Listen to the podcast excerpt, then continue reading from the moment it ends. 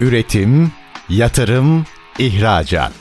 Üreten Türkiye'nin radyosu Endüstri Radyo sizin bulunduğunuz her yerde. Endüstri Radyo'yu arabada, bilgisayarda ve cep telefonunuzdan her yerde dinleyebilirsiniz. Endüstri Radyo.com Çetin Ünsal'ın hazırlayıp sunduğu İşte Bunu Konuşalım programı başlıyor. İşte bunu konuşalımdan merhabalar. Türkiye'nin gerçek gündeminde birlikteyiz efendim. Bugün aslında bütün firmaların yani reel ekonominin içerisinde herkesin yakından ilgilendiği, ilgilenmek zorunda olduğu, belki de bir firmanın içerisinde finans kadar iç finansı yaratan, doğru satın almalarla, tedarik zincirinin yönetimiyle iç finansı yaratan önemli bir birimin hem operasyonlarını hem de onun da ötesinde aslında bir zirve üzerinden meseleyi ortaya koyuş biçimlerini konuşacağız. Satın alma ve tedarik zincirinde memleket meselesi mottosunu konuşacağız. Kıymetli konuklarım var. Satın alma profesyonelleri ve yöneticileri derneği TÜSAYDER Başkanı Meriç Atalay ve Başkan Yardımcısı Doktor Sevgi Yılmaz. Bugün işte bunu konuşalımın konukları Sayın Yılmaz, Sayın Atalay hoş geldiniz efendim. Hoş bulduk. Hoş bulduk. Hemen sorayım. Niye memleket meselesi? Başkanla başlayalım. Tabii ki. Çok teşekkürler. Memleket meselesi şimdi biz yönetim kurulu olarak Mayıs ayında göreve geldik. Benim iki yıllık yönetim kurulu üyeliğimden sonra arkadaşlarımız onur ettiler sağ olsunlar ve şunu konuştuk en başta. Mış gibi yapmayacağız dedik. Farklı olacağız. Hayatın gerçeklerine odaklanacağız. Hayat bizim için iş. İşse önümüzde yapılacak çok şey var ama öncelikle bir yol planı çıkarmamız lazım. Şimdi yol planını yaşamış olduğunuz habitattan farklı bir yere çizemezsiniz. Hı hı. Sizin önünüzde bazı engeller var. Bunları ortaya koymanız lazım. Konuşmuş olduğumuz hayat eğer bir şirketse o zaman ekonomik olarak önümüzde ne tür engeller var? Tedarik zinciri olarak önümüzde ne tür engeller var? Ülkenin genel durumundan etkilenmeme şansımız yok. Ülkenin önündeki stratejik olarak görmüş olduğumuz engeller neler? Bunları ortaya koymak için hakikaten bunları belirledik ve bunları biz nasıl aşarız? Biz bunları kendi problemimiz gibi görüp, kendi meselemiz gibi görüp memleket çapındaki konuları konuşarak ilerleyebiliriz, çözebiliriz dedik. O yüzden adını biraz oradan esinlendik. Yönetim kurulu da onayladı. Memleket meselesi koyduk adını. Memleket meselesinin aslında iki alt ana başlığı da var. Kaçamıyoruz bunlardan günümüzde. Nedir bu? Birincisi dayanıklılık. Şunu söyleyebilirsiniz zaten duyuyorum da bunu konuşurken profesyonellerden. Ya sürdürülebilirlik varken niye dayanıklılık diye. Sürdürülebilirliğin altına çok şey kırabiliyorsunuz çünkü bir sürü alt başlı var. Dayanıklık da bunlardan biri. Ama önce dayanıklı olmanız lazım sürdürülebilir olabilmeniz için. Biz buradaki temel aslında o mavi hap, kırmızı hap konusundaki o mavi hapları insanlara biz anlatmaya çalışacağız yani bu ayakta zirvede. durması evet, lazım. Önce ayakta durabiliyor olmanız lazım. Hedefler Ondan olarak. sonra ilerleyebiliyor olmanız lazım. İki bacağınız kesikse önünüzde nereye gideceğinizi bilseniz bile gidemezsiniz. Dolayısıyla hani bir inşaatın temelleri sağlam olacak. Biz bir önce temelleri konuşacağız. Sürdürülebilirlik olarak bu örneği verirsem size sürdürülebilirlik de aslında kocaman bir yapı her şeyiyle içiyle dışıyla ama biz şu anda temelleri konuşacağız. Hakikaten bunları konuştuktan sonra bir sonraki konular için önümüzde alan açmış olacağız. Ve dijital adaptasyon dedik. Dijital dönüşüm demedik özellikle. Çünkü biliyoruz biliyoruz ki Kavram çok ya evet yani biliyoruz ki Türkiye araştırmalar bunu gösteriyor. Dijital dönüşüme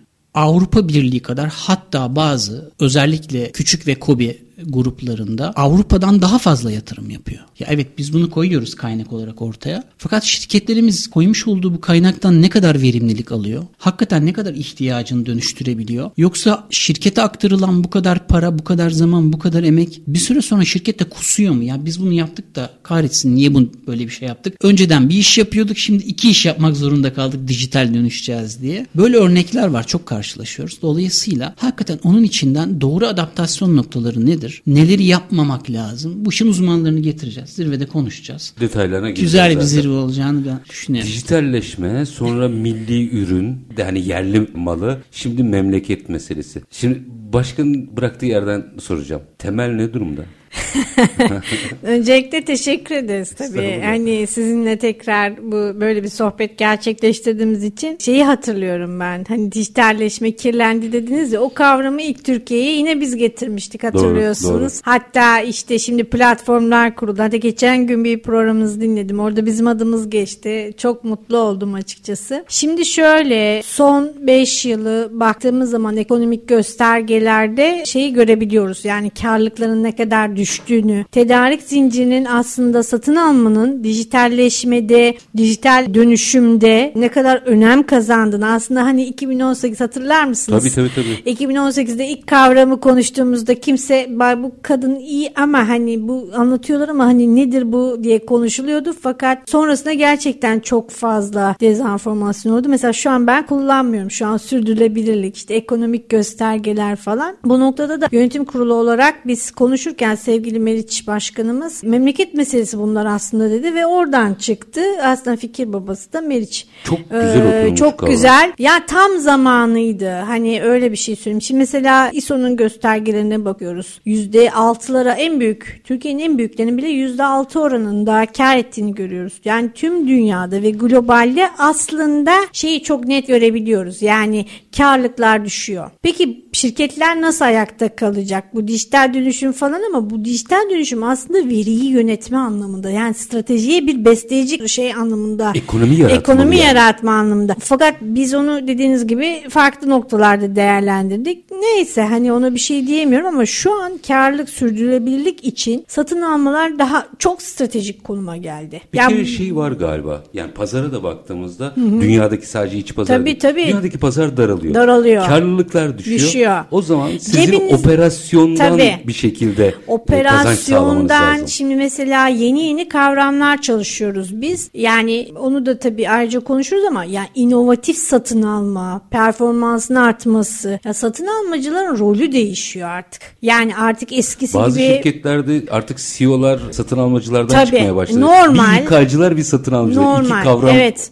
öne çıkmaya Şimdi başladı. mesela İK ile ilgili benim ayrı bir çalışmam var biliyorsunuz. Hani Hı-hı. bu sanat ve İK entegrasyonu ama hani onu ayrıca konuşuruz fakat satın almada inovatif satın alma çok önem kazandı ve karlık yani bakın fiyat demiyorum maliyet diyorum maliyetin tüm katmanları yani lojistikten şeye kadar giden bir süreçten bahsediyorum. Yani sadece fiyat değil. Fiyatı satın almacılar müzakere ediyor, düşürmeye çalışıyor. Fakat maliyeti düşürmek için inovasyon çalışması vesaire şart. İnovasyondan neyi kastediyorsun? Yeni ürün çıkması. Mesela siz bir bardak, kağıt bardak ha, üretiyorsunuz. Bayağı bildiğimiz mamul ürün. Mamul. Hani mesela bakıyorsunuz ama onu daha ucuza nasıl yapabiliriz? Bu noktada işte satın almacılar devreye giriyor. Pek çok konuda mesela çalışıyoruz biz bu noktada. Ve yani karlıklar öyle bir noktaya geldi ki hani milimetrik hesaplar var. Şu an otomotivdeki karlık ismini vermeyeceğim. Tabii lütfen. %2 ile %8 arasında geçiyor. Yani düşünün otomotivden bahsediyoruz. Beyaz eşyadaki karlık oranları %1 ile %5 arasında. %10 kar eden bir firma yok şu an Türkiye'de. Hatta bazıları zarar ediyor yani. O zaman bizim bu aşamada satın alma kavramını memleket meselesi haline getiriyor. geldi. Yani sürdürülmesi için Sevgi Hanım'ın bıraktığı yerden evet. şuradan devam edeceğim.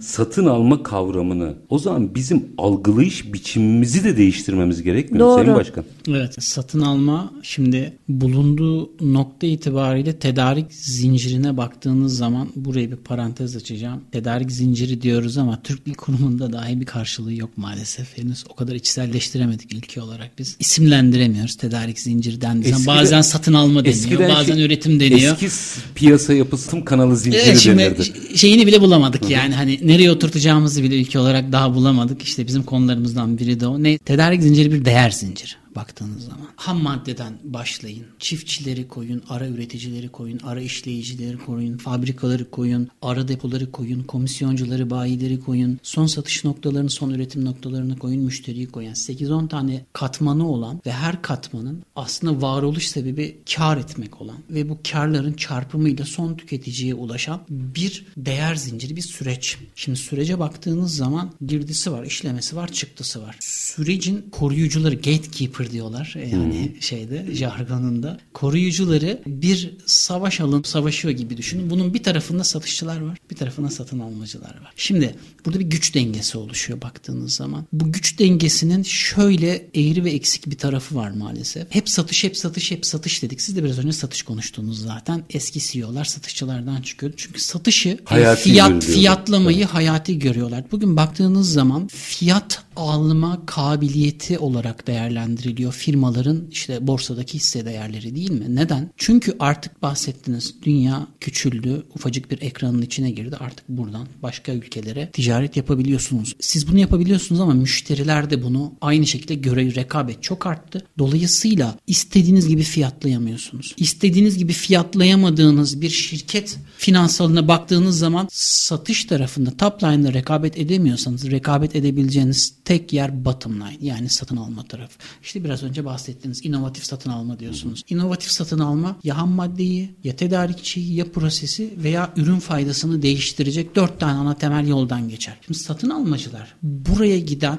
otobüsün direksiyonunda duruyor. Zaman zaman diyor ki tedarikçi alternatifi geliştirmemiz lazım. Zaman zaman diyor ki proses inovasyonuna gitmemiz lazım. Zaman zaman diyor ki ham maddeye gitmemiz lazım. Ama işte bunu yapabilmek için yetkinliklerini arttırmak gerekiyor satın almacıların. Orada da galiba veri yönetimi esas çıkıyor. Veri yönetimi var, ürün uzmanlığı var, proses odaklı yaklaşımlar var ama bunu tek başına yapmıyor tabii. Departmanlar işte argesiyle yapıyor, pazarlamasıyla yapıyor. Finans olmazsa olmaz zaten. Paranın kaynağı harcayan o. Dolayısıyla bir takımı aslında kendi şirketindeki takımı müzakere ettiği firmayla veya işbirliği yapmış olduğu firmayla ortak bir faydada buluşturmaya çalışıyor. Çok kritik bir yer aslında baktığınız zaman. İyi müzakere edilmiş, iyi analiz edilmiş, iyi hazırlanılmış bir inovasyon süreci, bir satın alma süreci veya bir müzakere süreci şirketi stratejik olarak çok başka bir noktaya getiriyor. Çünkü bu kağıt bardağı herkes 10 liraya satıyor. Ama bu kağıt bardağı biri 2 liraya alıyor, biri 3 liraya, biri 5 liraya alıyor. Dolayısıyla asıl rekabet artık bottom line, satın alma tarafında, üretim verimliliği tarafında. Satın almacılar şöyle yaklaşıyor artık. Böyle de yaklaşmaları beklenir zaten. İşbirliği yaptığı tedarikçiye gidip aslında o şirketin alternatif yöneticisi gibi finansallarına bakıyorlar, verimliliklerine bakıyorlar, maliyetlerine bakıyorlar. Bazen maliyetlerini indirmek adına kendileri devreye giriyorlar. Bu benim şirket sırrım kalmadı. Ya, ama zaten ama zaten yok artık yani. Doğru, doğru. Atom parçalamıyoruz yani. Türkiye'ye baktığımız zaman yani yurt dışına katma değerli ihracatımız yüzde bize göre 3 Avrupa'ya göre 1,5 yani hani 1.4 evet yani kilogram bölü dolarımız. Yani hani dolayısıyla çok ciddi verimlilik fırsatları var. Bu verimlilik fırsatını şimdi satış fiyatını maksimize etmeye çalışan, karı maksimize etmeye çalışan bir satışçı yapamaz. Onun işi o değil zaten verimliliğe dönüp bakacak kişi bu müzakere masasında satın almacı. Dolayısıyla evet satın almacılar hakikaten tedarik zincirinde önemli bir nokta ama şirketler zaten bunu yavaş yavaş farkına varıyorlar. Doğru. İşte Sevgi Hocam eğitim düzenliyor derneğimiz adına İTÜ ile birlikte IFPCM onaylı. Her dönem onun sayısının arttığını biz görebiliyoruz. Hakeza ben başka bir eğitim platformunda eğitim veririm. Çok kısa dönemde yüzlerin üzerinde talep geldi. Artık şirketler ve yöneticiler özellikle pandeminin de bizlere öğrettiği bazı tırnak içerisinde öğretilerle diyeyim hani kibarca hayatta kalmak için tedarik zincirinin sürdürülebilirliğini ve buranın yöneticilerinin hakikaten ne kadar önemli olduğunu şirketlerin varlık serüvenleri ürünlerinde gördüler. Peki şimdi satın almayı biraz açmak istiyorum. Tabii. Ama onu bir aradan sonra açacağım. Burada tam şu eğitimlere gelmişken bir şeyi merak ettim orada. Gelen sorular düzeldi mi? Yani şey, Değişti. Şey, hep hep güzeldir mutlaka. Merak edilen ve sorulan her şey güzeldir. Bunun ben böyle inanırım. Fakat biraz böyle bir bilinçlenme yani Tabii. Sayın Başkan'ın söylediği yerden Tabii. o süreç sorulara yansıyor mu? Şöyle bir şey Çetin Bey biliyorsunuz ben 2016 doktorayı hani tamamen derse verdim ve ders veriyorum çeşitli üniversitelerde ama 5 yıl öncesine baktığımız zaman 5 yılı şu ana kadar 5 yıl önceki öğrenci profiliyle veya şirketlerin bakış açısıyla şu an tamamen değişti. Yani sahada da o ilerleme Yok, gözleniyor. Sahada değişti. Yani. Ben şöyle bir şey söyleyeyim. Bizim bir de kendi danışmanlık işlerimiz var biliyorsunuz. Hı. Orada mesela hani bu noktada talep de çok arttı arttı. Artık şirketler tedarik zinciri yöneticilerinin karlılıklarıyla ilgili yoğun çalışma talep ediyorlar ve KPI'lerine veriyorlar. Bu sorular da otomatikman değişti. Ee, bunun cevabı benim için önemliydi. Şimdi bir araya gideceğiz ama yine sizle devam etmek istiyorum. Soruyu da sorup öyle araya gideyim. Sayın Atalay aslında bir dönüşümü çok güzel anlattı. Dedi ki artık satışı yapmanız değil satın almayı doğru yönetmeniz gerekiyor. Orada bir tehlike var. Orayı biraz açalım istiyorum. Çünkü bu bir memleket meselesi ise bizde genellikle kamuda çok başımıza gelir ve da başbakanlık kararnamelerine falan rağmen bir türlü değişmedi o alışkanlık. Değiştirilmeye çalışılıyor. Ya en ucuzunu alma Maliyet optimum yönet. diye bir şey Evet. var. Onu biraz açmanızı rica edeceğim. Şu optimum meselesini konuşalım. Yani maliyet yapalım ve maliyetleri azaltalım derken en ucuzunu bastırmak yerine optimum meselesini biraz açmak isterim. Bence bu da en azından o tedariği yapanın da yaşayabilmesi adına memleket meselesi. Minik bir ara. Aranın ardından efendim TÜSAYDER Başkanı Meriç Atalay ve TÜSAYDER Başkan Yardımcısı Doktor Sevgi Yılmaz'la işte bunu konuşalım diyeceğiz. Lütfen bizden ayrılmayın. Üretim, yatırım, ihracat. Üreten Türkiye'nin radyosu Endüstri Radyo sizin bulunduğunuz her yerde. Endüstri Radyo'yu arabada, bilgisayarda ve cep telefonunuzdan her yerde dinleyebilirsiniz. Endüstri Radyo.com Kısa bir aranın ardından işte bunu konuşalım demeye devam ediyoruz efendim. Satın alma ve tedarik zincirinde memleket meselesi diyerek meseleyi konuşuyoruz. Konuklarımız Satın Alma Profesyonelleri ve Yöneticileri Derneği. TÜSAYDER Başkanı Meriç Atalay ve Başkan Yardımcısı Doktor Sevgi Yılmaz. Sayın Yılmaz size bir soru sorarak araya gitmiştim. Demiştim ki Sayın e, Atalay çok haklı olarak dedi ki artık maliyetleri yönetmeliyiz. Bu da satın almadan geçiyor. Doğru. Ama ve lakin. Aynı şeyi sizde de bir açılım yapacağım. Konuşmak istediğim bir konu. Bizde de şöyle bir reaksiyon var. Aa tamam şimdi böyleyse o zaman ben gideyim en ucuzunu alayım. Optimum diye bir şey var. Doğru. Bu ne kadar anlaşılıyor? Şöyle bunu çok derslerde söylüyoruz. TCO diye bir kavram var. Yani toplam sahip olma maliyeti. Çok ucuz aldığınız bir rulman örnek vereyim. Daha yeni çalıştığımız bir konu. Çok ucuz aldığınız bir rulman mesela makineye taktığınızda aslında ucuz değildir. 50 kere aynı rulmanı alıyor olabilirsiniz. Hmm, Oradaki performans Orada performans çok önemli. Yani mesela çok ucuz diye aldığınız bir karton bardak bambaşka bir boyuta gelebilir. Yani siz 50 kere şey. O yüzden şimdi satın almacıların maliyet düşürme ile ilgili ayrı bir çalışma yapması lazım. Biraz açın, bu Buraya kritik bir tabii konu. tabii. Burada şöyle bir şey yapılması gerekiyor.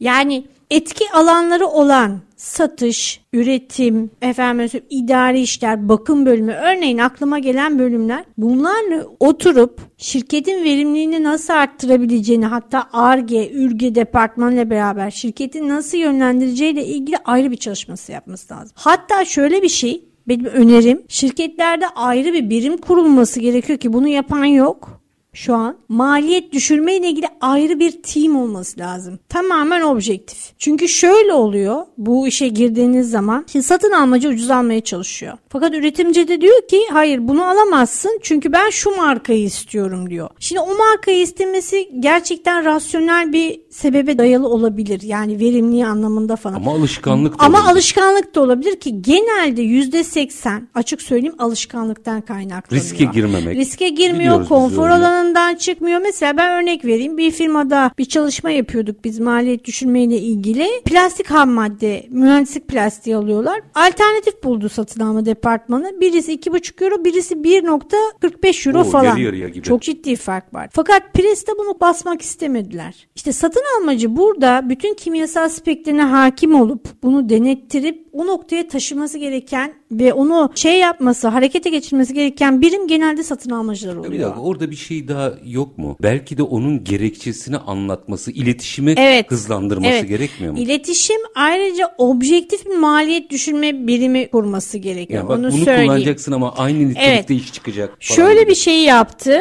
satın almacı tabii genel müdürün de haberiyle ama bütün kimyasal speklerini alıp şey yaptı kullandı. Poşetlerini değiştirdi mühendislik plastiklerinin. Eski markanın poşetine koydu ve o şekilde denetti düşünün. Aha eski televizyonlardaki Tabii o tabii şey- yani aynen değiştirdi. Yağ reklamı gibi. Ve imalatta imalatta şeyin e, performansının daha iyi bak dedi bak bu marka iyileşme yapmış dedi ustabaşı. Bak daha iyi o ürün çıktı dedi. Sakın dedim tartışma. Tartışma yok. Neyse çağırdık geldik konuştuk. Ama adam da haklı. Geçmişte böyle bir deneme yapmış. Bütün problemi de onun üstüne yıkmışlar. Yani preslerde problem olmuş. Üretim aksamış. O da ondan çekiniyor. Sorun zaten herkesin ürün daha iyi böyle Evet. çıkar kaygısı. Evet. Ya problem Ondan dolayı. kötü niyetli Şimdi olsa bu nasıl kolay. aşılır Çetin Bey? Bu nasıl aşılır? Şirketlerde bir maliyet birimi kurarsınız. Bununla ilgili içinde mühendisliğin falan olduğu ve bununla ilgili ayrı bir stratejik yol haritası belirlersiniz ve bu şekilde iş yürür. Orada bir şey soracağım ama. Onu da yanıtını alayım öyle geçeyim Sayın Atalay'a. Çünkü benzer bir şeyde bir açılım yapmak istiyorum. Şimdi bu bir büyük şirketse, holdingse kolay işler. Değil aslında. Holdinglerde daha zor biliyor musunuz? Hayır, hayır. buna ayırabilecek finansmanı var. Orada zihni problemler var. Ama mesela ben bir kobiysem ve bunu aslında bu birimi açabilecek gücüm de yoksa bunu kime bağlamalıyım? Satın Onu, almaya. Bunun yanıtını almak Satın istiyorum. almaya. Çünkü hiçbir zaman bir üretim, bir farklı bir departman bunu domine eden departmanlar genelde satın almacılar. Etmesi gerekenler de bence satın alma ve tedarik zinciri yöneticileri. Çünkü konuya hakim olan onlar. Güzel. Yani yeni bir ideali bir birim kurmanız Evet. diyorsunuz ama birim kurabilecek bir durumunuz yoksa da bunu satın alma birimleriyle Satın hayata almada geçirmesiniz. bunu ayrı bir KPI, ayrı bir konumlandırma yaparak böyle bir şey oluşturmak gerekiyor. Böyle bir alan açmak gerekiyor satın almaya. Müthiş. Şimdi Sayın Atalay, Sayın Yılmaz'ın bıraktığı yerden bir açılım daha yapmak istiyorum. Şimdi evet en ucuzu alalım yerine optimumu alalım. Bu tamam. Sizin ortaya attığınız bir soru daha var.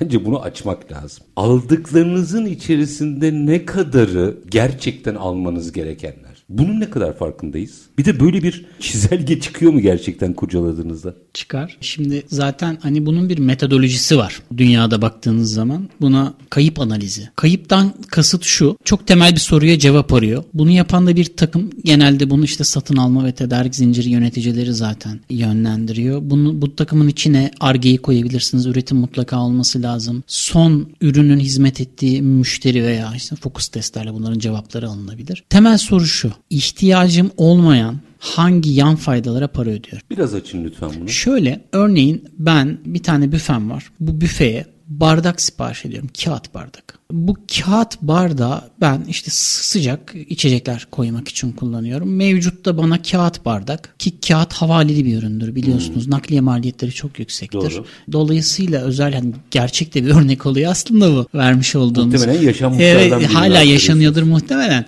E şimdi temel fayda sıcak bir ürünü müşterinin elinin yanmadan tutabileceği ama hijyenik şartlarında korunduğu bir tedarik zinciri prosesinden geçirip A noktasından B noktasına bu ürünü ulaştırmak tedarik zincirinin temel fonksiyonunu yerine getirmektir. Değil mi? E şimdi ben o zaman temel fayda buysa bir hijyenik olması, iki sıcaklığı müşterinin eline yakmadan verebiliyor olması, muhafaza edebiliyor olması. E şimdi o zaman şu- şuna bakalım. Bir kağıt bardak düşünün. Bir kartonun içerisinde 20 tane var. Bir paletin içerisinde 100 tane karton var. Ama başka bir kağıt bardak düşünün. Bir kolinin içerisinde 300 tane var. Bir palette de atıyorum 4 tane var. 4 koliden oluşuyor. Dolayısıyla sizin birim alana sıkıştırmış olduğunuz ürün sayısı artıyor. Bu şu demek lojistik anlamda birim maliyetiniz adet başına düşüyor demek. İkincisi bir kağıt bardak için harcamış olduğunuz ambalaj miktarının maliyeti düşüyor ikinci örnekte. Şimdi bu çok temel bir örnek. Bunun gibi yüzlerce örnek konuşulabilir. Niye? E düşünün üretim var bu sürecin içerisinde. Üretimde ben hangi yan faydaya fazladan para ödüyorum sorusuna cevap arayabilirsiniz. Lojistikte arayabilirsiniz. Son ürünün satış muhafaza koşullarında arayabilirsiniz. Ürün değişmiyor bakın. Ürün temel fayda değişmiyor. Detayları temel fayda iyileştiriyorsunuz. Aynen öyle ama şimdi işte biraz önce Sevgi Hanım da bahsetti. Alışıla gelmiş bazı doğrular var kabul edilmiş. Ha, o yüzlük olur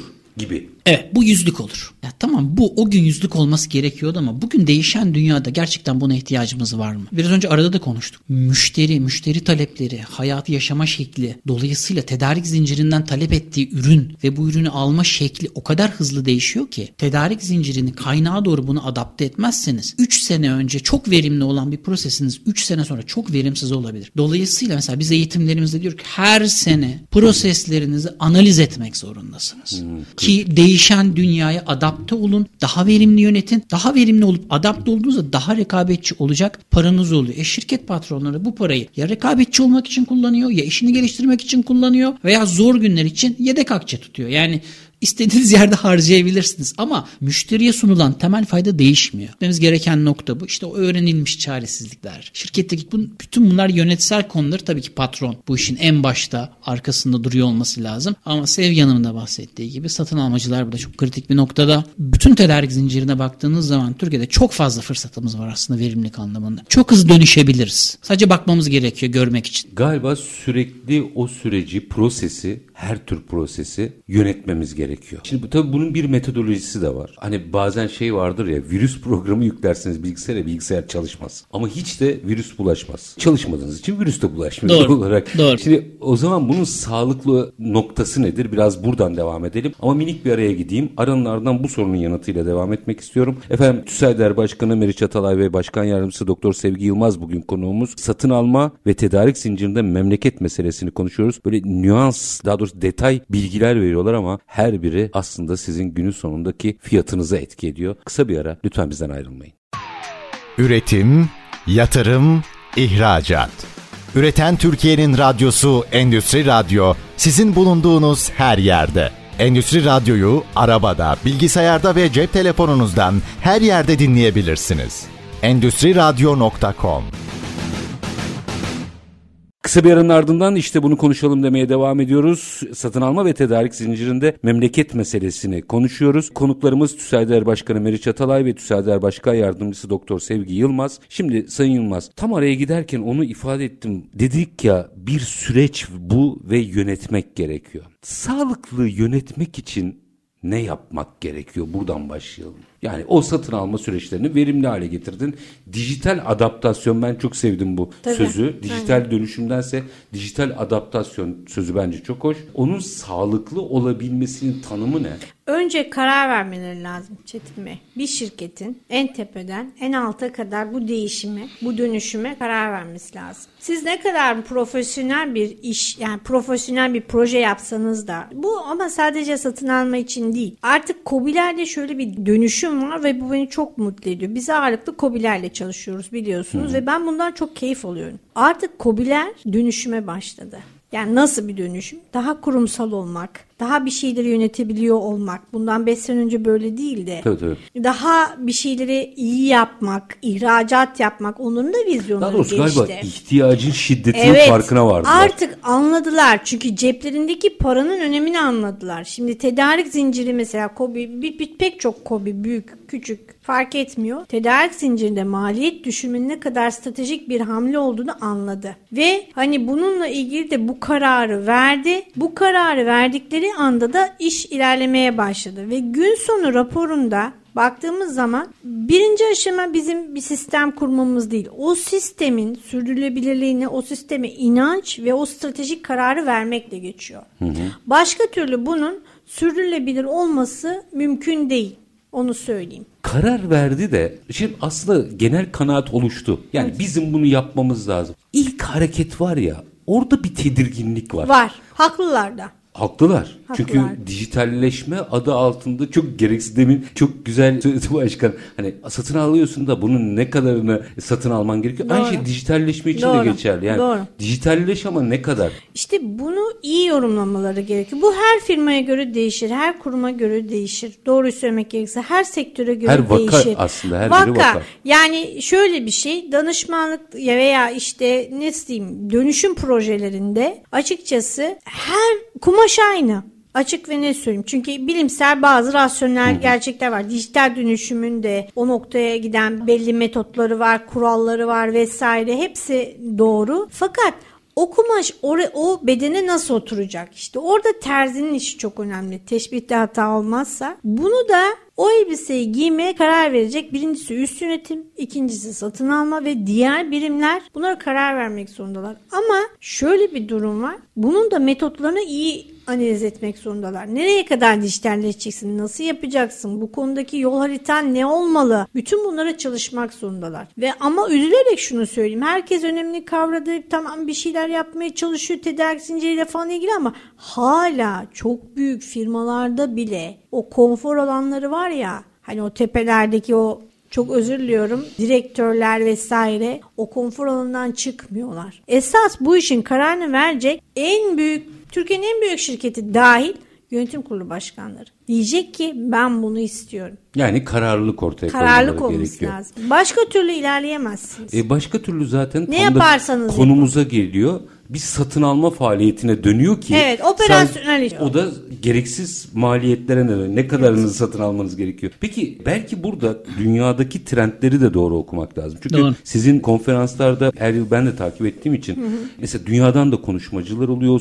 Satın alma trendlerini vesaire anlatıyorlar. Mesela bu sene ne anlatılacak orada? Bu sene şöyle belirledik biz akışı. Olabildiğince çok insanın fikirlerini alabiliyor olmak için öncelikle moderasyonlara önem verdik. Moderasyonları da üçe kırdık. Memleket meselesi dedik ya. Dayanıklılık. Bir şirket nasıl dayanıklı olmanın, olmalının sorularını Yılmaz Tokgöz ve Oğuzhan Güngördü ile birlikte bunlar Türkiye'nin en büyük şirketlerinin yöneticileri birlikte arayacağız. Bir kobi, çok büyük bir şirket değil bir kobinin neye ihtiyacı var hakikaten? Dayanıklı olabilmesi için. O kocaman dalga geldiğinde şirketi nasıl ayakta duracak? Yani önce maliyetine mi bakması lazım yoksa önce nakit akışına mı bakması lazım? Sorularına cevap vereceğiz. Ki nakit akışı kral. Evet aynen Hele öyle. bu dönemde evet, daha çok kral. Aynen öyle ama bugün Türkiye'de kaç tane kobi bundan 6 ay sonrası için bir stres testi yapmış kendisine oturacağız konuşacağız orada işte. Yaşayın güzel. İkincisi ülkemiz için dedik memleket meselesi ki ben bir veteriner hekim olarak tarım ve hayvancılıktan asla kopmadım kopamam. Sencer Solakoğlu, Hakan Aydın'la birlikte tarımda dayanıklılığı konuşacağız. En stratejik ki, sektörlerden. E, aynı bir ülke için hakikaten önce halkını doyurması lazım. Pandemide uygun uygun zaten. maliyetli. Ondan sonra ihraç etmesi lazım bana göre. Dolayısıyla bu maliyetlere etki eden enflasyonla mücadeleye kadar etki eden bir şey.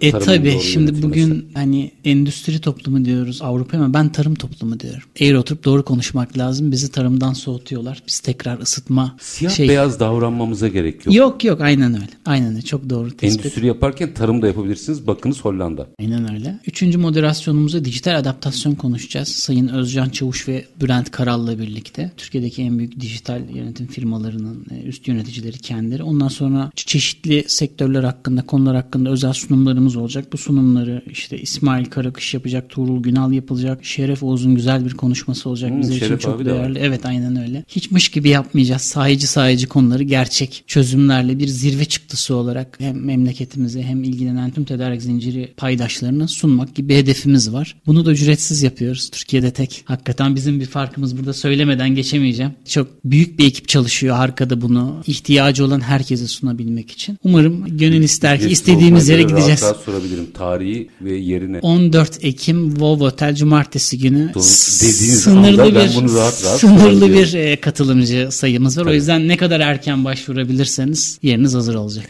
Şunu merak ediyorum sevgili hanım. İlk kongreden bu zamana kadar anlatılmak istenenler geçti mi?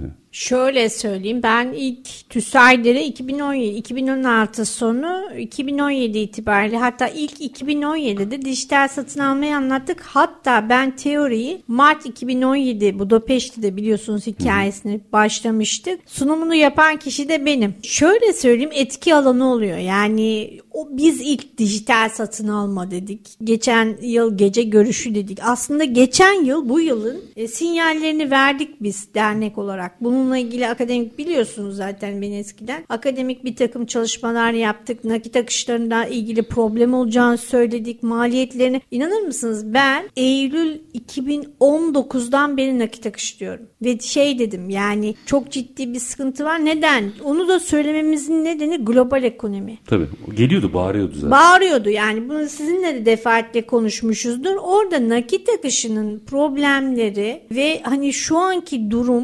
Türkiye'nin geldiği nokta çok belliydi yani. Şimdi daha tehlikeli bazı konularımız var. Bunu ben tabakanlık seviyesinde söyledim. O yüzden rahat anlatabilirim. Yani şu an nakit akışı diyoruz vesaire diyoruz ama pek çok büyük firmanın esasında memleket meselesi dememiz de o. Nedeni de o. Eğer şimdiden maliyetlerine dikkat etmezlerse bakın çok geç olacak. Önümüzdeki sene ya açık söyleyeyim Kasım'da belki bir tık nefes almaya başlayacağız bu Kasım'da ama önümüzdeki yıl bu zamana kadar biz rahatlamayacağız. 24 ve 25 çok rahat geçmeyecek. Bugünden evet. iyi hesap kitap yapmak. Yani lazım. iyi hesap bu kadar zor olmayabilir ama rahat da olmayacağız. Hı-hı. Yani bir nasıl diyeyim bir 2016-2017'lerin rahatlığı ferahlığı olmayacak bu Sadece ülkede. Sadece bizden değil dünyadaki Dünyada de böyle. böyle getiriyor Dünyada denge değişiyor Çetin Bey. Yani Avrupa Çünkü gitgide küçülüyor. dördüncü sanayi devriminin dönüşümü yaşanıyor. Evet. Aynen öyle. Meseleyi buradan görmek evet. lazım.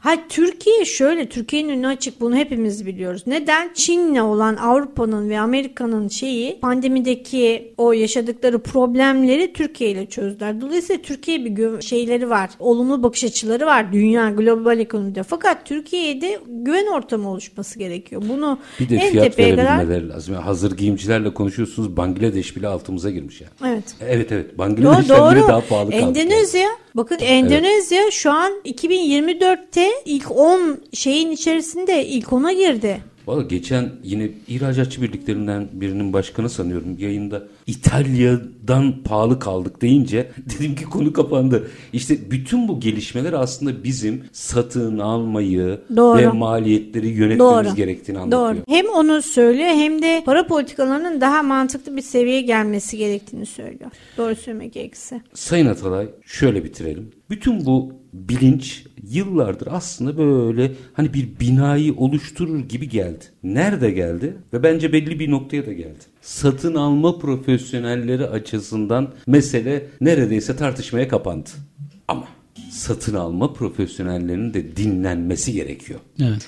O zaman burada satın alma profesyonellerini doğru dinlemek için şirket yönetimlerinin ne yapması lazım sorusunu sormak gerekiyor. Tabii ben madalyonun biraz diğer yüzünden bakacağım. Hani çok basit bir genelleme vardır ya inisiyatif verilmez alınır diye. Ben biraz alınması tarafındayım. Öncelikle satın alma profesyonellerimizin şirket üst yönetimlerinin dikkatini çekecek derecede doğru oluşturmuş olduğu katma değeri anlatabilecek yetkinliklere sahip olması önemli doğru şekilde raporlama yapabiliyor olmaları önemli. En azından finansal okur yazarlıklarının oluyor olması önemli. Bütün bunlar bir araya geldikten sonra zaten şuna kimse itiraz edemez. Biz sizin şu projemizle EBITDA'nıza şu kadar katkı verdik ey patron bizim projemizi destekliyor musunuz sorusuna hayır ben desteklemiyorum diyecek patron tanımıyorum ama maalesef meslektaşlarımızın bunları üst yönetim seviyesinde anlatabilecek yetkinlikleri. olmasınlar diyorsun. Aynen öyle aynen öyle. İyi işler yapıyorlar çok iyi işler yapan meslektaşlarımız var. Çok iyi sundukları zaman hiçbir dert kalmayacak ortada. Tekrar ediyorum rekabet artık top line'da değil satış tarafında değil rekabet artık bottom line'da. Herkes en büyük kaleyi en büyük asker askerlerini, en büyük şeylerini oraya yığıyor. Orada başarılı olan piyasada başarılı olacak. 2 kere 2 4. Bu işleri daha çok konuşacağız. Öyle anlaşılıyor. Anladığım kadarıyla siz 14 Ekim'de zaten bunları tartışacaksınız. Belki onun çıktılarına da bakmak lazım ama bir dönüşümün satın alma parametreleri üzerinden dünyada oluştuğunu göz ardı etmemek gerekiyor. Bu minvalde de mottonuz çok hoşuma gitti. Satın alma ve tedarik zincirinde memleket meselesi. Yüreğinize sağlık. Detayları ve açılımları da bizlerle paylaştınız. Satın alma profesyonelleri ve yöneticileri derneği. TÜSAY Daire Başkanı Meriç Atalay çok teşekkür ediyorum. Ben teşekkür ederim. TÜSAY Daire Başkan Yardımcısı Doktor Sevgi Yılmaz çok çok teşekkür ediyorum. Biz de çok teşekkür ederiz. Var olunuz. Efendim aslında bir anda bir dönüşümü, bir anda o düşen karlılıklar içerisinde yarına ulaşmanın metotlarını satın alma ve tedarik zincirini yönetme meselesi üzerinden sizler için konuştuk. Memleket meselesi mottosu ortaya konmuş. Bence çok kritik. Bunu hepimizin bu duyarlılıkla ele alması gerekiyor. Harcadığınız para gereksizse sizin paranız değil memleketin parası. O yüzden verimli kullanalım. Efendim biz her zamanki gibi bitirelim. İşinizi konuşun, işinizle konuşun. Sonra gelin işte bunu konuşalım. Hoşçakalın efendim.